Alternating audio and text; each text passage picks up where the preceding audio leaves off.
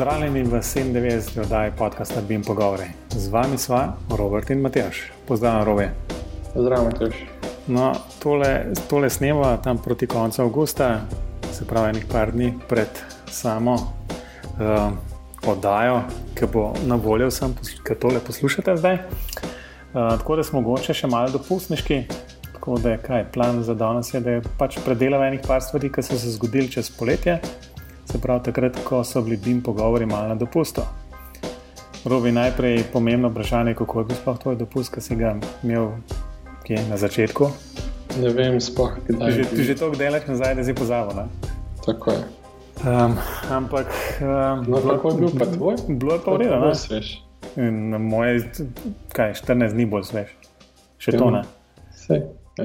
Ja, zdaj sem že en mesec v Ljubljani, tako da je, uh, je že čist preveč, ampak bilo je pa jasno super, tako kot veš. Uh, tako da imamo že rezerviran za naslednji let isto. tako da se že veselim. Uh, no, ampak, ampak preden sem šel na dopust, se je uh, v Ljubljani na fakulteti organiziral en tak, uh, taka poletna šola v okviru enega mednarodnega projekta um, XP Resilience, um, bolj v bistvu v smislu pač potresniška zadeva. No, ampak v okviru projekta je bilo obljubljeno, da se organizira um, neko izobraževanje. In um, del tega sem upravil, na koncu je izkazalo, da sem to sam delal v pomoči z um, našimi kolegi iz uh, katedre za potresno inženirstvo. Skratka, ta del je imel naslov Short Course on High Performance Computing and Data Science. Meni se zdel blazen zanimiv naslov, ne? ampak na koncu je, recimo, mogoče malo zašlo iz te uh, konkretno začrtene smeri. Ja, no, najprej naj povem, da mene tam ni bilo. E, ja, ker sem se jaz pač prepozno spomnil, uh, da, bi bilo, da, da to bo sploh, ne? na kar sem imel teže rezervirano, vse stvari okoli dopusta. No, to je prva stvar, kar sem hotel povedati. Druga stvar, kar sem hotel povedati, je, da bomo danes povedali, kaj se je čez poletje vseeno dogajalo.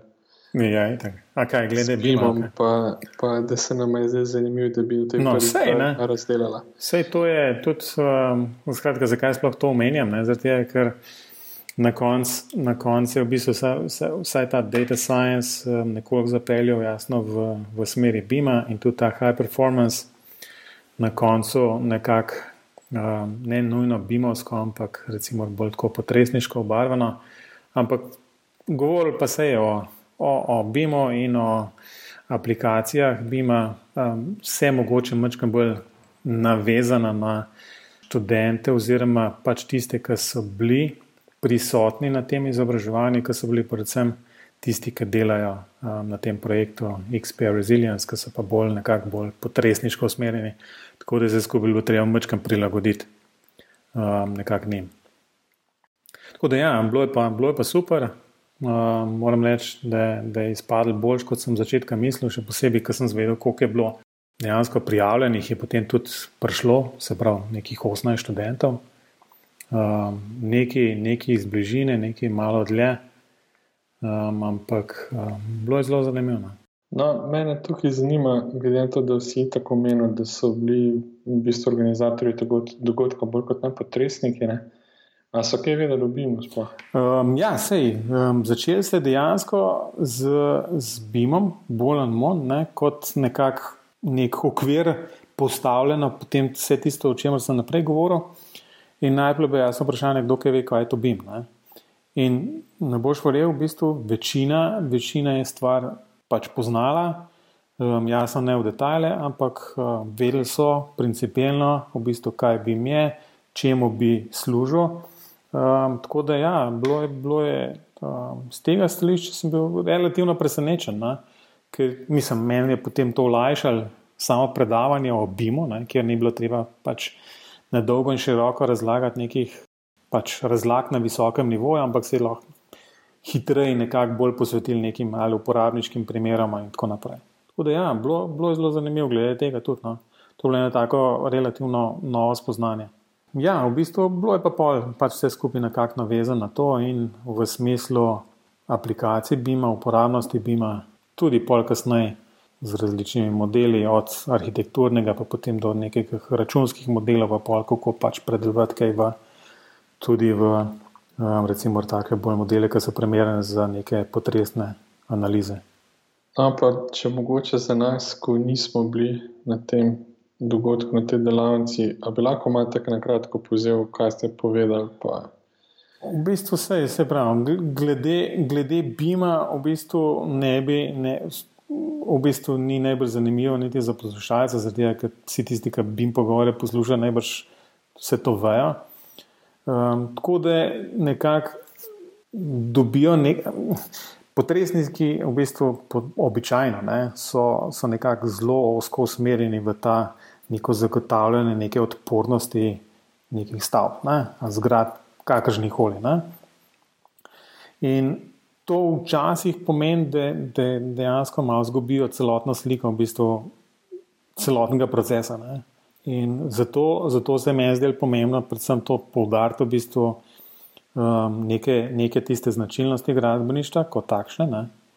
In jasno, kako zdaj to neko specifično znanje o zagotavljanju odpornosti, načrtovanju odpornosti in podobnih stvarih, kako se to potem pač, kje to odpaše ne, v, v celoten proces tega bima. Um, tako da bilo je veliko o tem govora. No?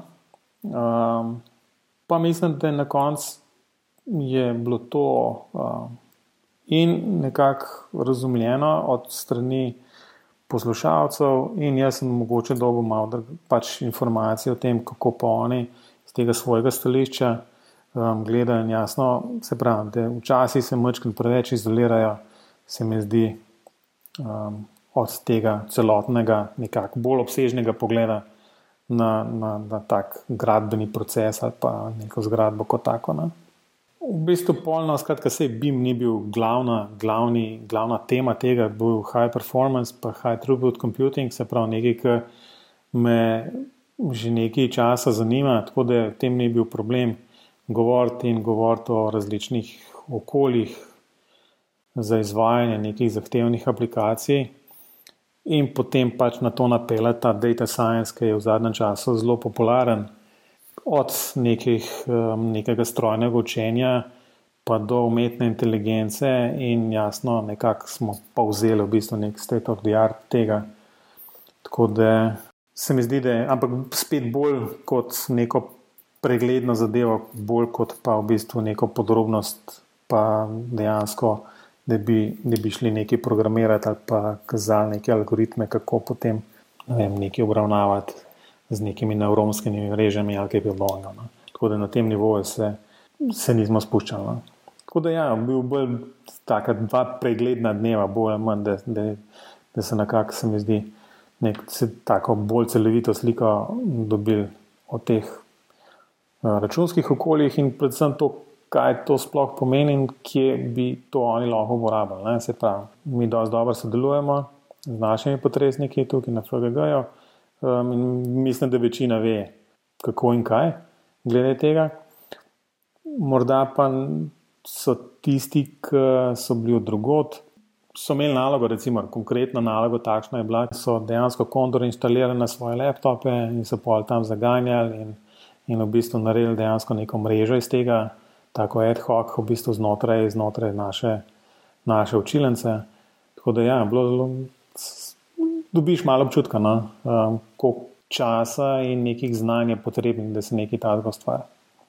To je bilo začetek julija, potem proti koncu julija je bil pa še en dogodek, oziroma eno predavanje pri nas na fakulteti.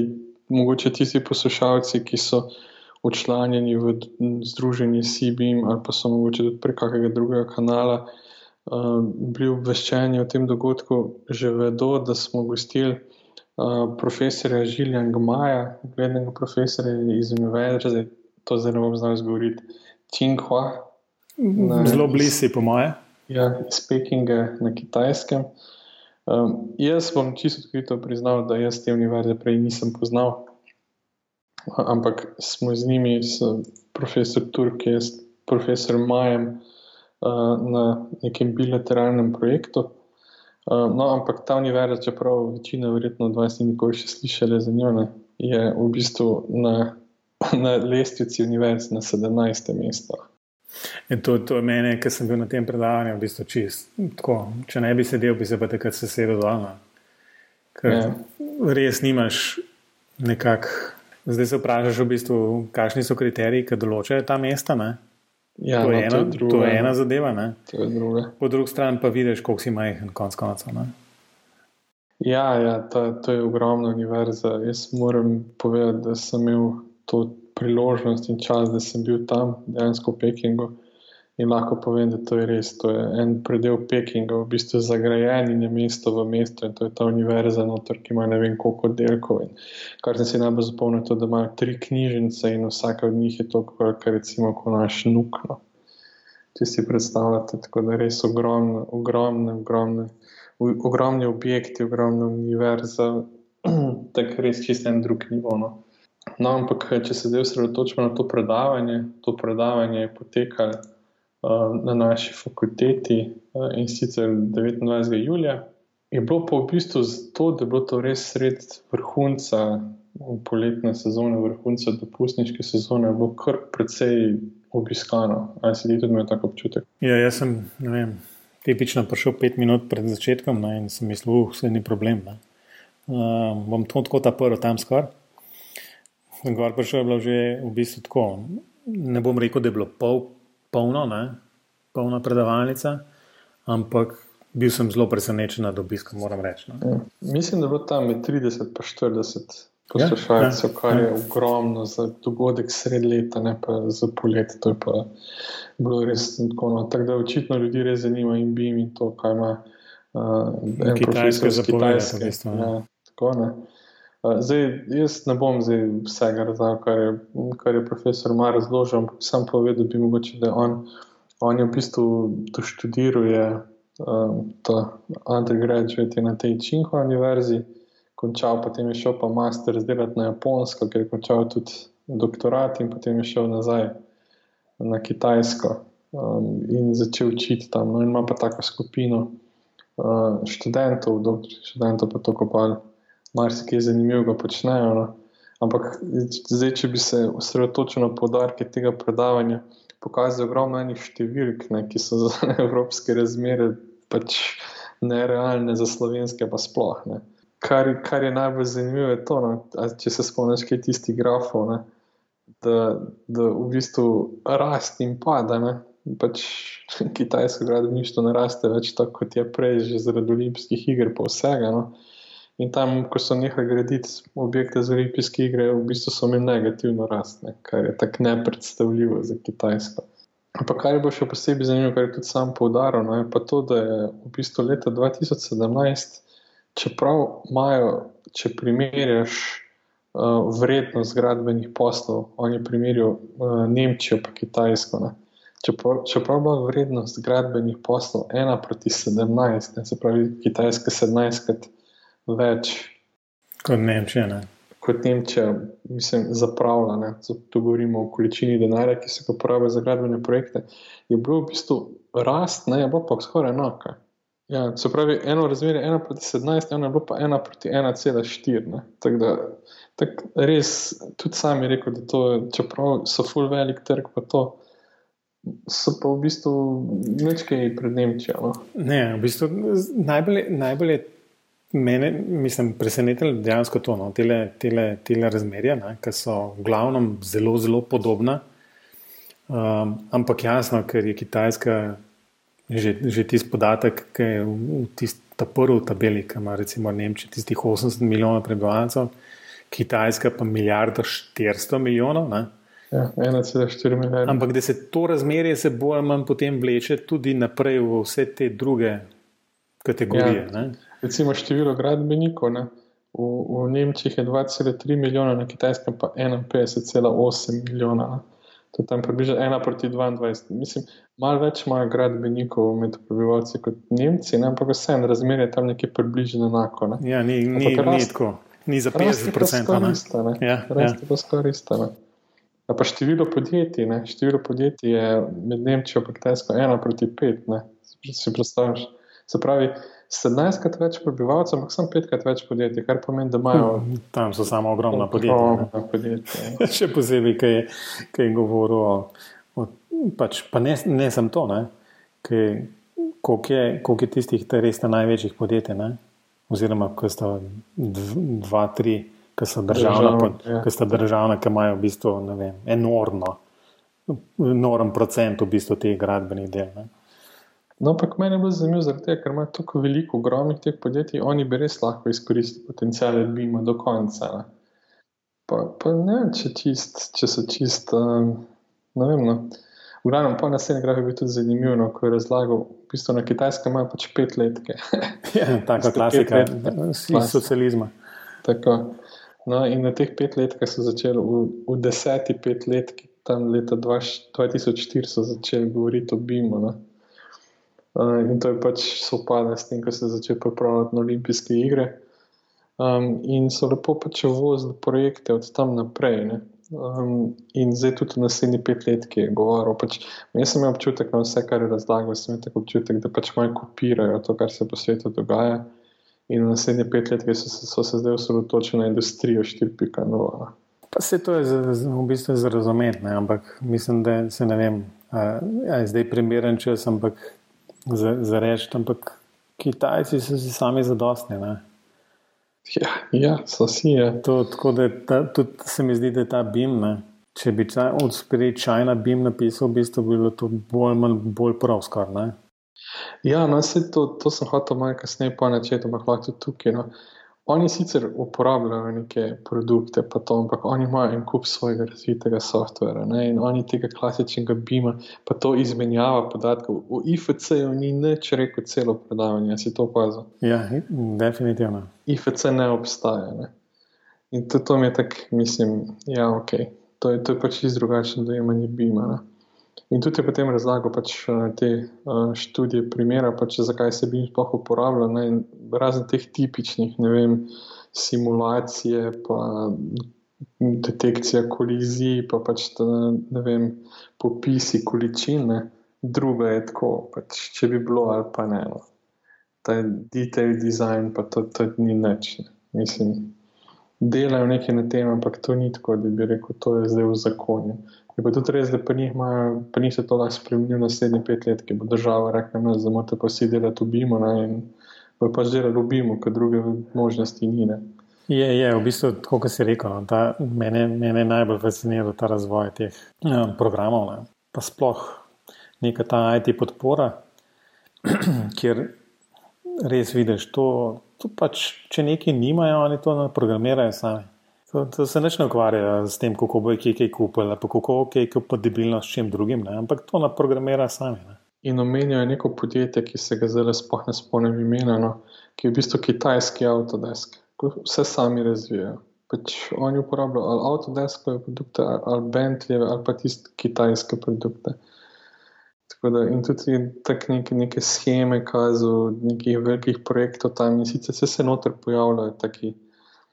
Vem, se pojavljajo imena, ki jih poznamo tudi pri nas, vem, Grasshopper, pa Rajno, pa tako naprej, ampak to je par oblačkov, vse drugo ali ne poznaš ali pa na roke. No, ne vem, meni je bilo tudi zanimivo, kako so se oni čisto pragmatično lotili tega bima. Ne? Ja, ok, parametrični dizajn ni problema, bomo naredili v bimu, ker se drugače ne da, ne? ampak drugo pa detajle, pa to, to je na roke. Ne?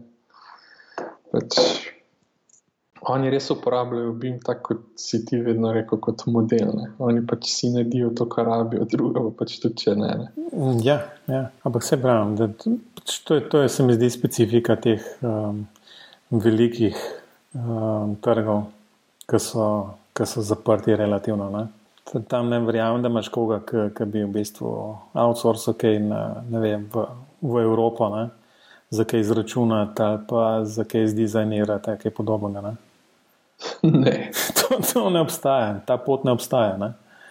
No, pa veš, kaj mi je bilo tudi zanimivo, če se spomniš. Zanimivo mi je bilo, ko je kazal te večje projekte in je imel eno full dobro sliko, ko je imel na tisti sliki, kar, mislim, ravno kar jo gledam. No, uh, je imel štiri različne BIM modele, a se spomniš te slike. In je imel model oblike, potem je imel konstrukcijski model, model um, no, MEP, strojnih instalacij in pa še modele arhitekture. Tako štiri različne modele, ampak kar je pa rekel, da med sabo sploh niso bili povezani. A veš, koliko smo mi vedno mislili, da imaš ti en model, pa pol vem, vlečeš, kar rabiš, ima kje. Ne, ne, pač ne gre. Ne.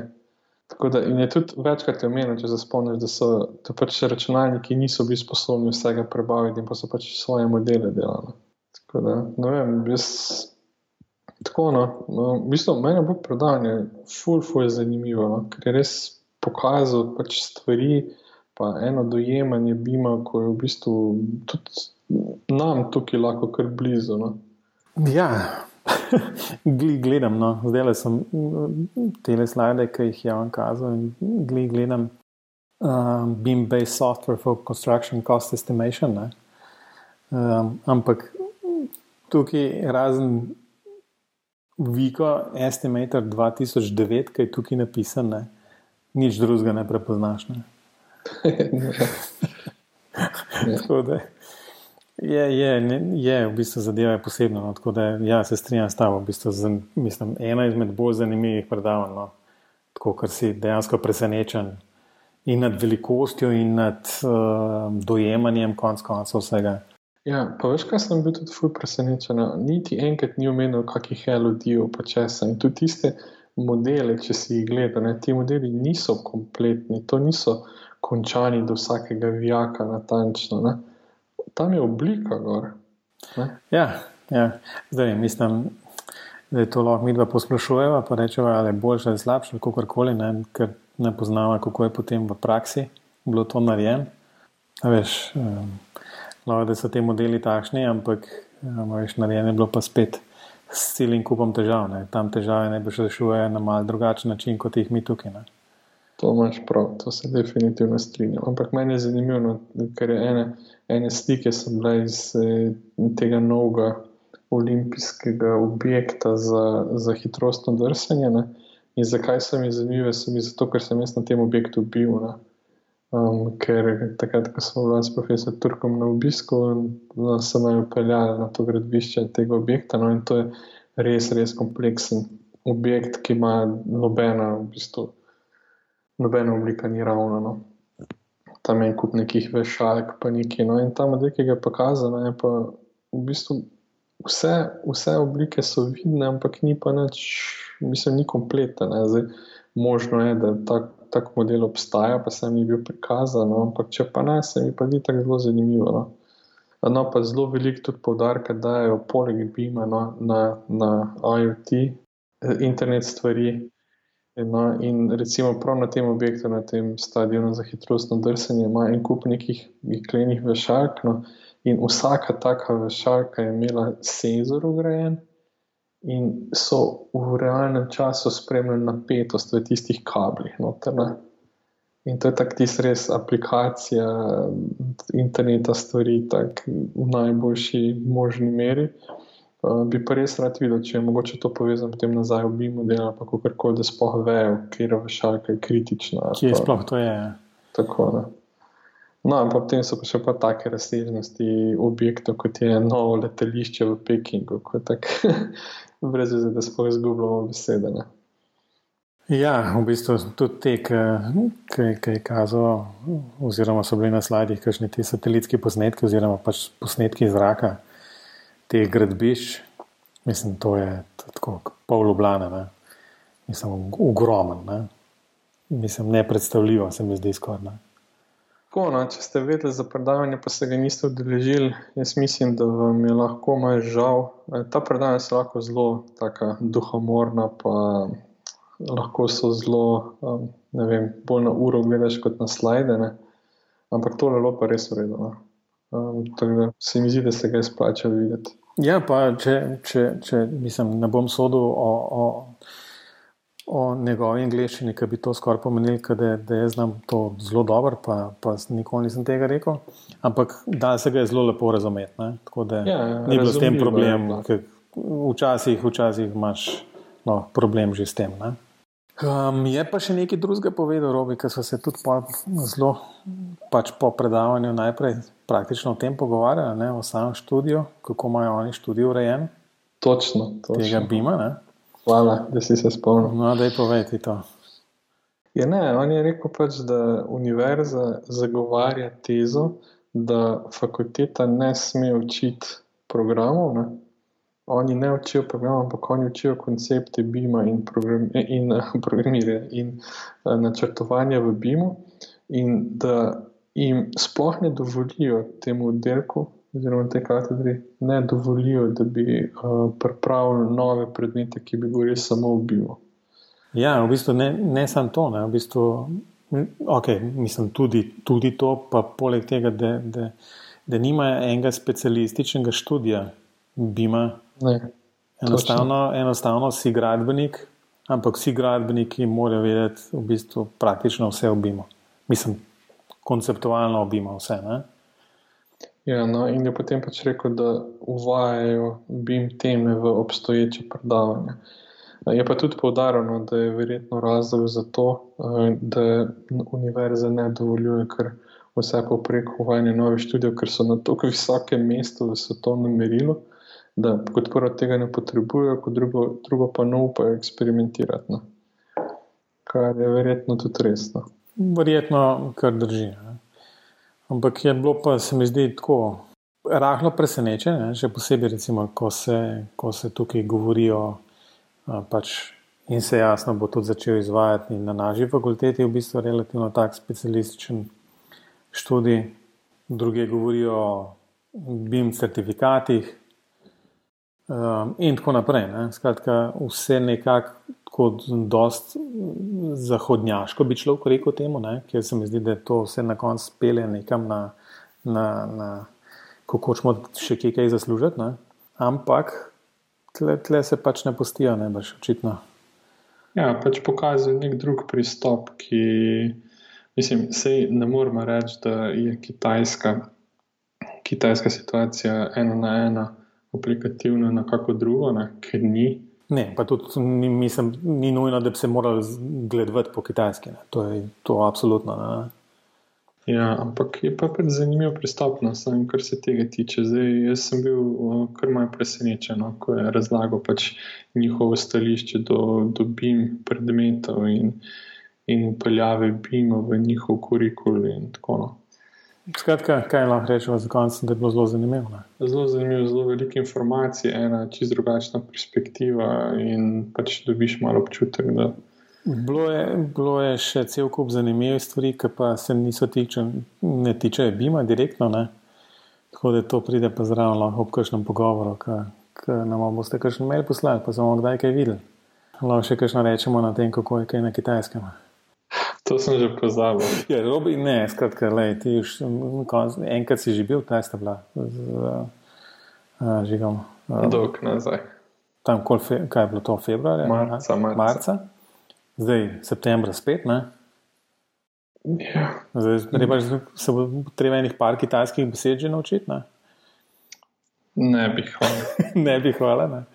No, ampak um, mislim, se bomo mi dva vrnili na Kitajsko še um, z BIM pogovori, ko boš povedal, kako je kaj tam um, v živo. Ne.